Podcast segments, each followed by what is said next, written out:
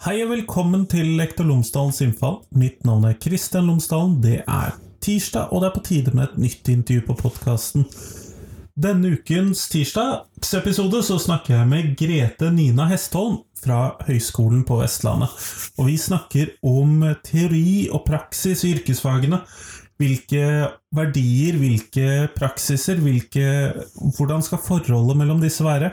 Så det er tema i denne tirsdagens episode. Dette er som en del av en litt sånn lengre serie, kanskje mindre definert enn jeg tidligere har gjort, men hvor, man, hvor jeg ser på de ulike sidene ved yrkesfagene, hva de skal inneholde, hva de skal være. Sånn at her kommer intervjuet nå etterpå med Grete Nina Hestholm om teori og praksis i yrkesfagene.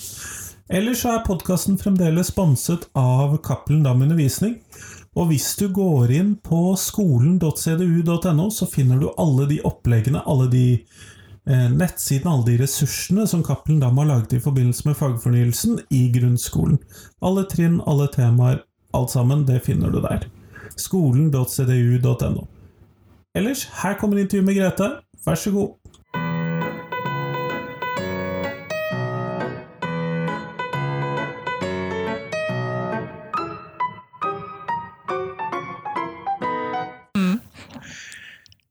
Grete Nina Hestholm, tusen takk for at du tok deg tid til meg i dag. Bare hyggelig. Veldig kjekt at du ville snakke med meg. Før vi starter selve intervjuet, så hadde jeg håpet at du kunne fortelle lytterne mine tre ting om deg selv, sånn at de kan få bli litt bedre kjent med deg.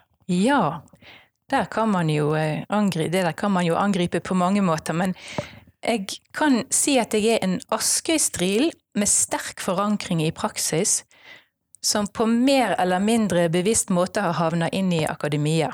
Og i dag så kan vel jeg si at jeg savner mer av den praksisen som jeg kommer fra. Det blir mye skrivebordsarbeid.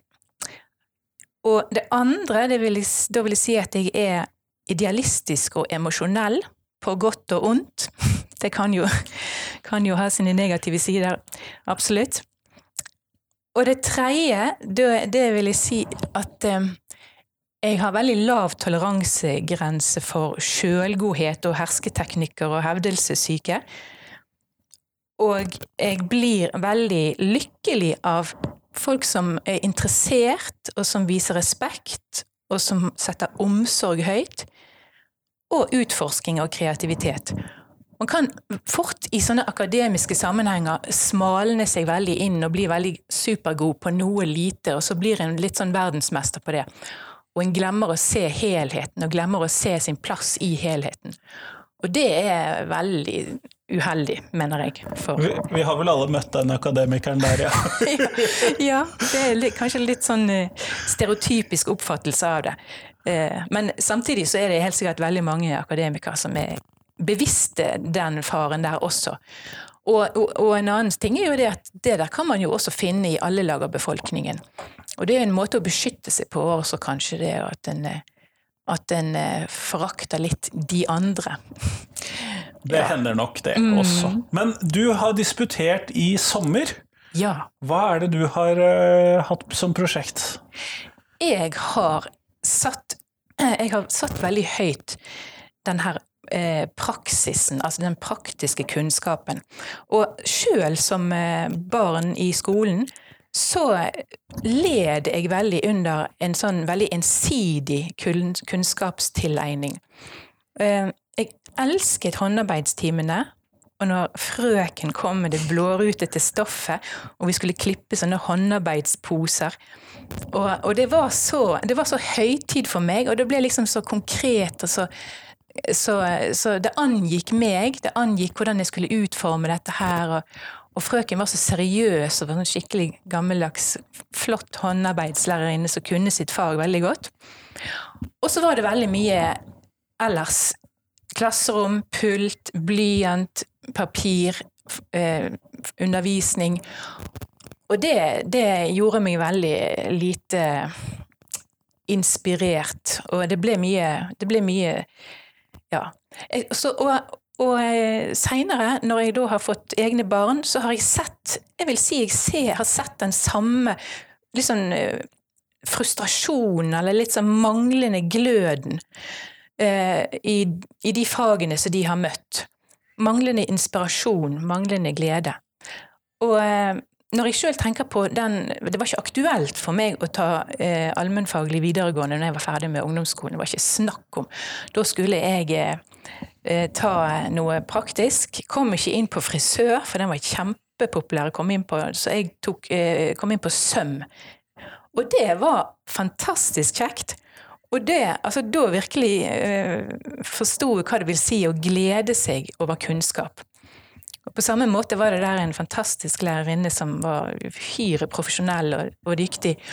Og jeg elsket det. Og, og den, den, gleden der, og den, den, kontrasten der mellom det der litt sånn tørre, ørkesløse, litt sånn ja, man står fast, føler man, følte jeg i hvert fall. Og til å komme inn i den der, den der dialogiske kommunikative eh, forholdet til kunnskapen, det var, det var en, en, en skjellsettende opplevelse. Og dette hadde jeg lyst til å skrive om. Og dette hadde jeg lyst til å kritisere, og jeg var jo absolutt på forhånd eh, jeg visste hva jeg ville, jeg visste hva funnene mine skulle bli. Rett og slett. Så jeg, var helt klart, Men man kan si det, det var en hypotese som jeg ville teste ut. Og hypotesen den holdt mål. Jeg intervjuet eh, flere ulike men, mennesker i ulike eh, aldrer og land og kulturer. Og eh, jeg eh, Ja. Jeg, fant veldig mye av de samme opplevelsene som jeg sjøl hadde hatt, også hos de, de som i dag var, eh, hadde liksom en solid akademisk utdanning, så var det veldig mange av de samme refleksjonene som gikk igjen. Som jeg sjøl hadde. hadde. Så, så, jeg gikk jo inn i dette her på en veldig på en veldig eh, Jeg tenkte at nå skal vi liksom Nå må jeg eh, forankre dette her veldig godt teoretisk. For faren med å liksom applaudere praksis og snakke veldig om, mye om praksis, det blir at en, ja, ja, da blir det sånn enten så er du for praksis, eller så er du for teori. Jeg er på praksislaget, hurra. det, det, blir veldig idiotisk.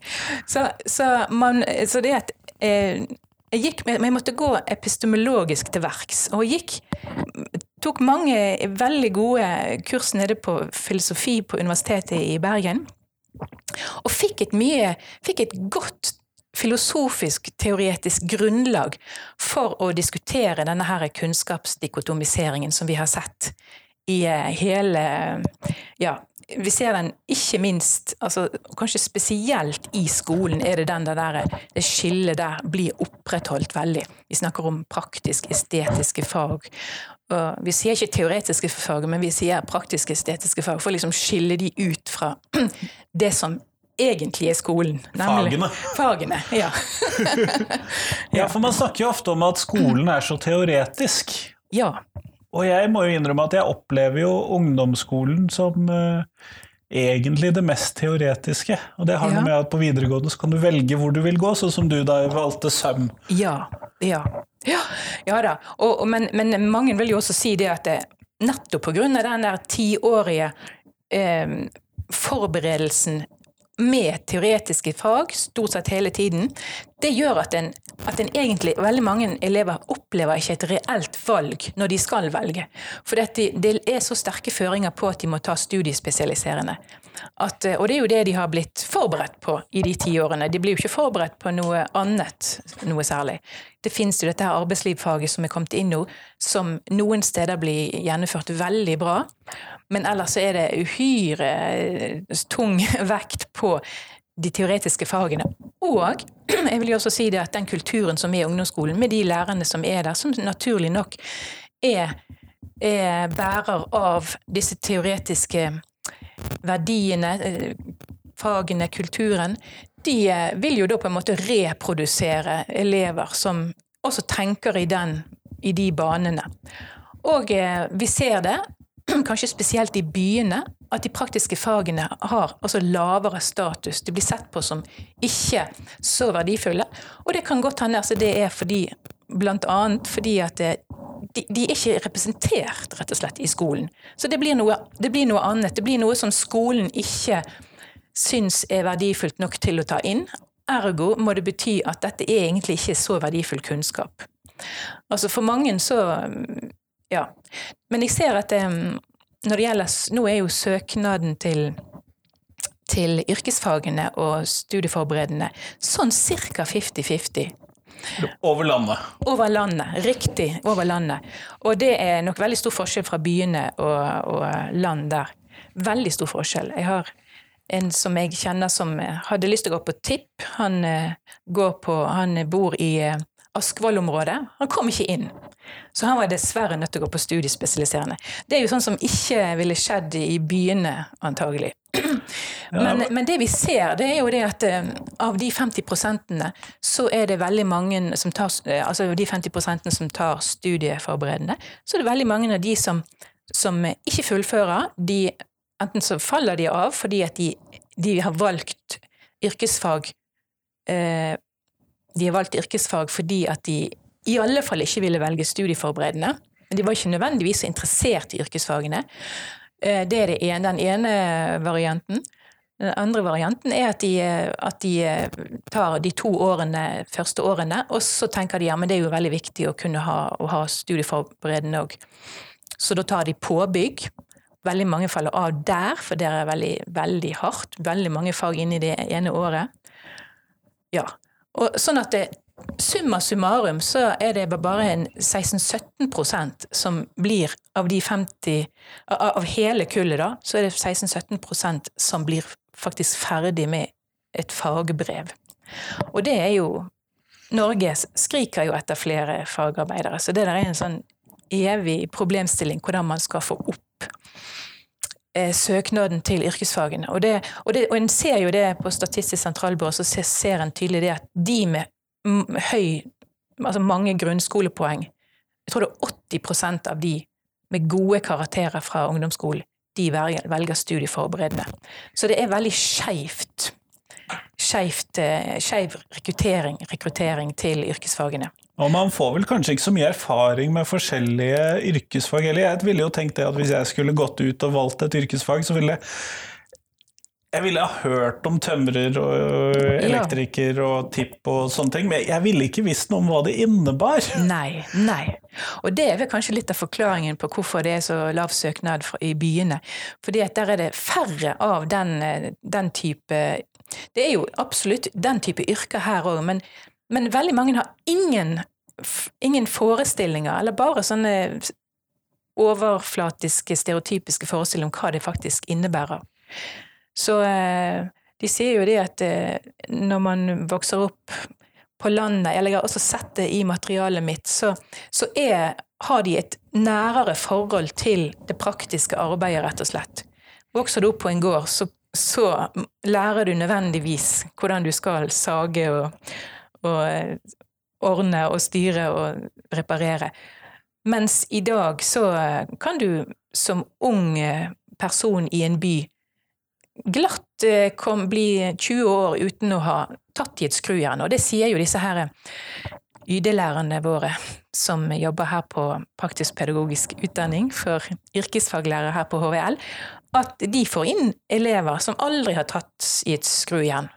Og det er liksom veldig overraskende for de, men de må jo Men så må man begynne da helt, helt på scratch med det. Men mm. hvorfor tenker du at eh, den praktiske kunnskapen er så viktig i skolen? Veldig godt spørsmål! Oh, supert spørsmål. Jo, og det er jo her jeg har på en måte henta litt av eh, tenkningsgrunnlaget fra filosofien. Fordi at det, eh, i et sånt fenomenologisk perspektiv så, så er den praktiske inngangen til møtet med verden helt avgjørende for mennesket å forstå seg sjøl og forstå verden. Og Derfor så tror jeg at altså, En ser jo det hvordan barn, småbarn, må putte alt i munnen og har en veldig sånn eh, hands on-kontakt med verden. Og det er på en måte for å orientere seg og for å forstå eh, Kjenne på materialene. Hva er det de kan, hva er det de ikke kan? Og eh, det, det har rett og slett med det å å, å plassere seg sjøl i verden å gjøre. Å kjenne eh, seg sjøl og bli kjent med de kunnskapsformene som fins. Så, så for meg, eh, og det, det ringer det, passer veldig godt med, sånn, med den vantrivsel som jeg også opplevde i den, den rene teoriskolen, eller overvektige teoriskolen, at eh, det, den, den kontakt Det blir på en måte en veldig skeivhet. Men vekslingen, for det må det jo være, mellom teoretiske og det praktiske, den, den, er jo utrolig viktig, og det blir på en måte en slags vekt der for mye teori, det blir feil. For mye praksis kan også bli feil, hvis man ikke reflekterer over den praksisen man faktisk har. Så, så det er Så det må begge deler til.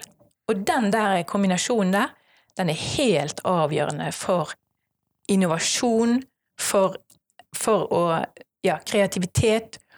Og eh, når jeg nevner det, så kan jeg jo nevne disse her ingeniørfagene som eh, det har blitt eh, en Det har blitt muligheter for, for, for søkere som, som har TIP, fagbrev, å søke på ingeniør. Og I begynnelsen så var de veldig eh, skeptiske til at dette her ikke kunne gå bra, for de hadde jo, det ville bli et A-lag og et B-lag, sa de kritikerne. Der B-laget var da de som kom fra Direkte fra tipp, ja. ja. Men det viste seg det at det, var, det ble akkurat omvendt. For arbeidsgiverne var veldig interessert i den bakgrunnen som, tip, eh, som, som, de som kom fra TIP hadde. For de hadde denne der hands on-forståelsen. De hadde vært ute på eh, en byggeplass, eller de hadde vært ute og, og kjent liksom på den praktiske realiteten. De hadde brukt en dreiebenk og tatt i litt metall og Ja, og da kunne de mye lettere gå i dialog med teorien. De forsto teorien på en helt sånn mer kroppslig og ja, gjennom, eh, gjennomgående måte. Så, så, eh, og det er jo min, eh, min konklusjon her også, det at vi må sørge for å beholde den der flotte og helt nødvendige kontakten mellom praktisk og praktiske og teoretiske fag. At de får mate hverandre. For de bygger på hverandre, og de ut, det utvides, eller så, kan det, så stopper det opp. Og dette her sier jo, skriver jo også John Dewey mye om, den her viktige balansen mellom disse to praktiske og teoretiske kunnskapsformene. Ja. Men jeg tenker jo litt sånn at dette handler på en måte også om tilpasset opplæring, da. fordi at jeg vil jo anta at noen elever er, hva skal vi kalle det, utpreget teoretiske. Eh, du sitter ved siden av en eh, nå. Jeg tilhører den gruppen som eh, gjerne nok vil tilbringe dagen med å tenke heller enn å gjøre. Akkurat, ja. Mens andre er veldig praktiske, men så har vi ganske mange i midten et eller annet sted på langs en eller annen form for ja. Ja, tenkt også, skala. ja, nettopp. Og, og, sånn er det jo veldig vanlig å tenke det. At, at, du er sånn, og du er sånn. Så da må vi plassere de i, i hver sine interessefelt. Og det, når det kommer til stykket, så kan det godt hende det at det er noen som, som ender opp med et yrke der de er veldig teoretiske, eller der de er veldig praktiske. Men jeg vil jo understreke veldig at, at også den, også du, som er så teoretisk, vil ha utrolig godt av den praktiske forståelsen og møtet med praksis. Altså det blir ikke bare, Praksis er ikke bare for de som ikke er flinke i teori, for det er liksom sånn som man fort tenker. Du som ikke, du som ikke, er, som ikke utmerker deg her i disse fagene, du kan ta arbeidslivsfaget. Noen skoler har ordnet det sånn. Eh, og, det, og det, det, er nesten sånn at de ikke de får velge det sjøl. De blir, de blir eh, nesten Plassert der på Plassert, ja. ja. Og det, det, er jo helt, eh, helt feil, for da har man på en måte Ja, da har man Det er en fallitterklæring i forhold til den her fine dialektiske forbindelsen mellom, mellom praksis og teori. Så, så, det er en utrolig viktig ting. Altså de som, de som er utmerker seg innenfor teoretiske fag, de har vel så godt av, og, og eh, trenger også den praktiske forståelsen eh, like mye som den som eh, kanskje trives best i praksis, også trenger teorien for å sette dette her i en sammenheng. Så, så eh, jeg tenker at det, det burde vært like obligatorisk i, i eh, den obligatoriske skolen med praktiske fag som teoretiske fag. Det, og, det, og det er jo litt sånn Det er så fjernt fra den situasjonen som er i dag, at vi lurer liksom på om eh, det vil noen gang, noensinne skje. Men jeg mener det at det bør skje, og jeg tror, håper og, og også å se en viss innrømmelse eh, også Altså for man tenker liksom, Hva er det som gjør for det første at det er så stort frafall i yrkesfagene? Vi trenger masse flere fagarbeidere, hvorfor klarer ikke vi å få det opp? Og, og kanskje det er Jeg håper det at det vil Man vil innse at her er det her, er det, her må vi gjøre noen grep i skolen. Og spesielt også fordi at det moderne ungdom i dag kan fint, som jeg sa, gå gjennom hele sin ungdomstid og barndomstid uten å ha noe særlig kontakt med praksis. Så da mister vi den der naturlige kontakten med praksis som det var før i bondesamfunnet og, og der man måtte ut og jobbe. Og, man, og det, det er et stort tap for barna og ungdommene at ikke de får den kontakten. Stort tap. Og da har de vel kanskje ikke noe grunnlag for å skulle velge det ene eller det andre hvis de bare kjenner til de teoretiske fagene? Nemlig det også. De har ikke grunnlag for å velge, og de har heller ikke forståelse for å se samfunnet i helhet, i sin helhet. For, og, og, og har også noen mangler også respekt for de praktiske fagene og de praktiske yrkene. Og det er også er vel en sånn funksjon av eh, at ikke de vet hva det er, at ikke de vet hva det går ut på. Og de, og de uh, kobler det til, til, de elevene som ikke har klart teorien. Da, da man, velger man noe praktisk, liksom. Så, uh, så det er det er uhyre viktig også for altså en sånn, rett og slett en demokratisk nødvendighet. At, uh, at man får en uh, jevn Altså får en represent, representativ eh, utvalg av hva kunnskaper som finnes i samfunnet. At det viser seg i skolen. Det er helt, helt nødvendig for, for, de, for, de, elevene vi skal uteksaminere, for at de skal forstå, forstå hvordan alle yrkene samspiller i et samfunn.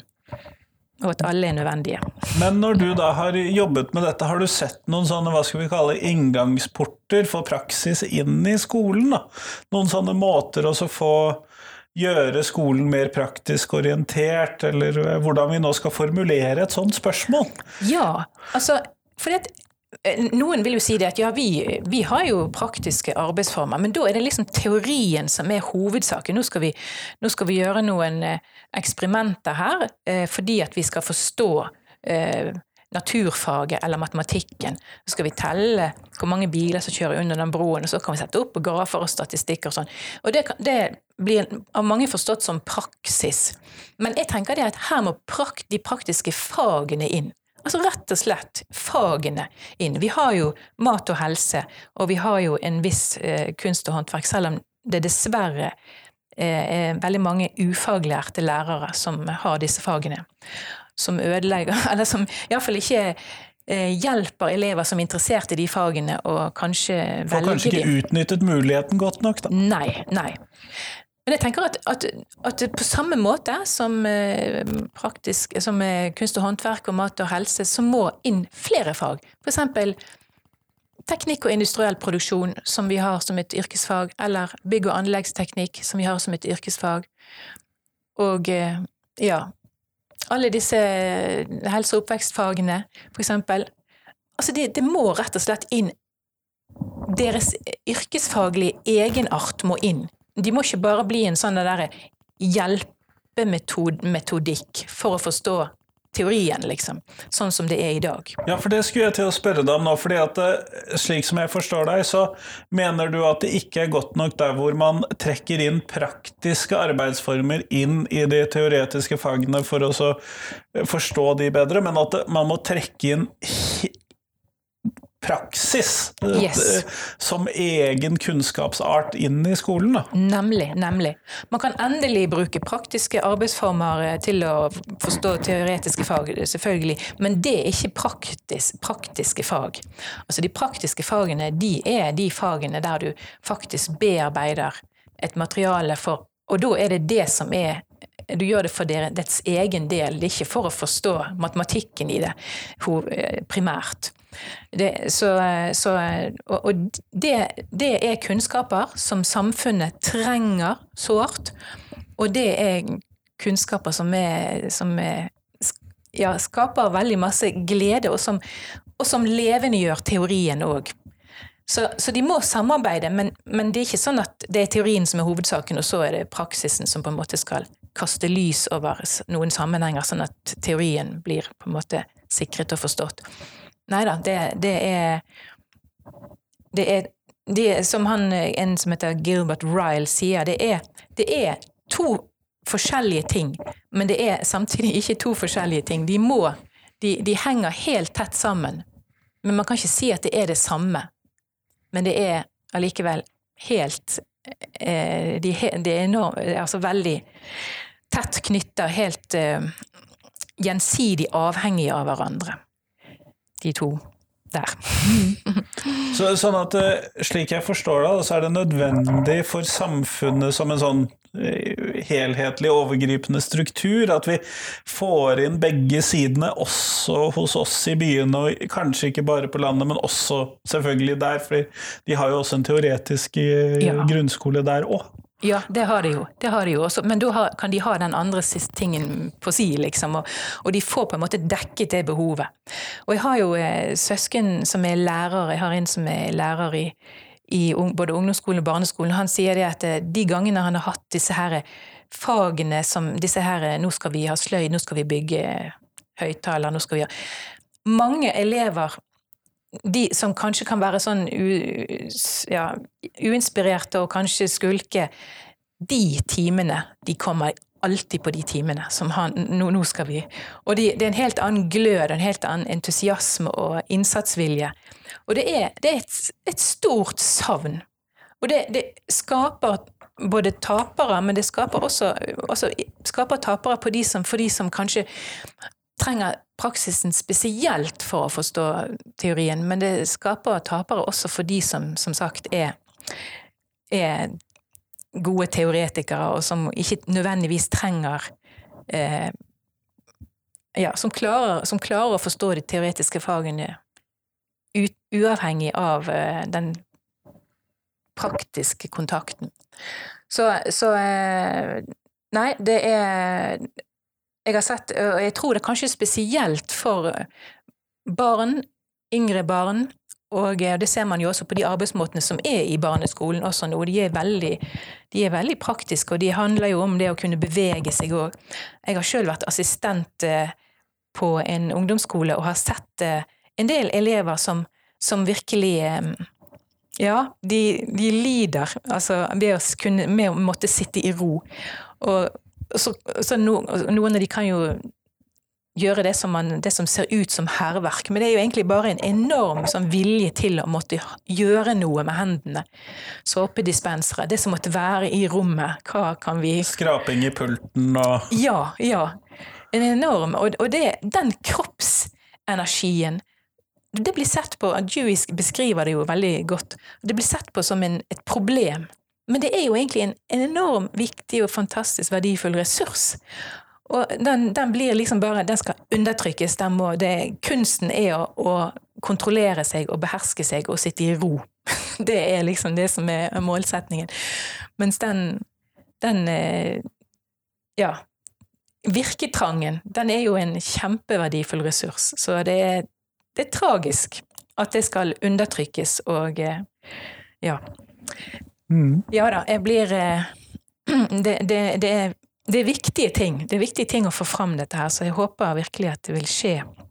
At det kan skje noe eh, med denne skoleorganiseringen. Den obligatoriske skoleorganiseringen. Ja, Grete Nina, eh, vi går mot slutten av podkasten, og da skal jeg stille deg det spørsmålet som jeg stiller til alle jeg intervjuer. Og det er hva er de tre viktigste tingene som elevene, eller skolen lærer elevene? Ja, det er en, eh, vil si, det er en oppsummering av mye av det jeg har sagt nå, da. Det første er at elevene forstår at teori og praksis står i et gjensidig avhengig og vekselvirkende forhold til hverandre. Og at man derfor aldri kan fokusere utelukkende bare på det ene uten at det går på bekostning av også det ene. Ehm, det andre er at skolen gir elevene forståelse for samfunnet som helhet, og at de forstår at alle de ulike kunnskapene er nødvendig for et helhetlig fungerende samfunn. Eh, og det tredje det er jo som en følge av det andre, da, at hvis de forstår det, den helheten og hvordan alle bitene samspiller med hverandre, eh, så forstår de også så de, vil de forhåpentligvis også få respekt for all kunnskap og alle kunnskapsformer. Og alle de menneskene som forvalter de ulike kunnskapene og kunnskapsformene. Det tenker jeg er de tre viktigste tingene som skolen skal lære elevene. Tusen takk for at du tok deg tid til meg i dag. Tusen takk for at du ville snakke med meg.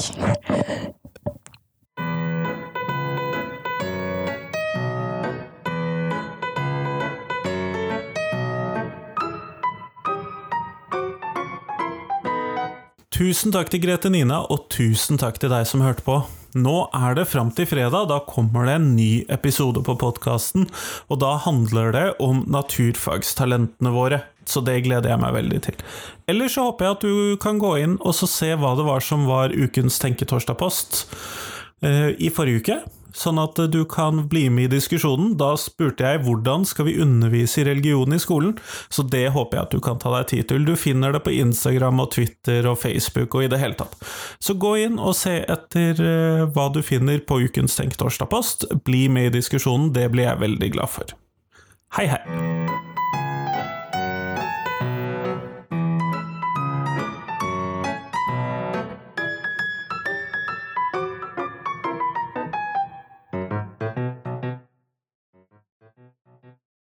Husk at du kan gå inn på Instagram for å finne bilder av uh, Lektor Lomsdalens innfall. Så kan du se litt hva jeg driver med der.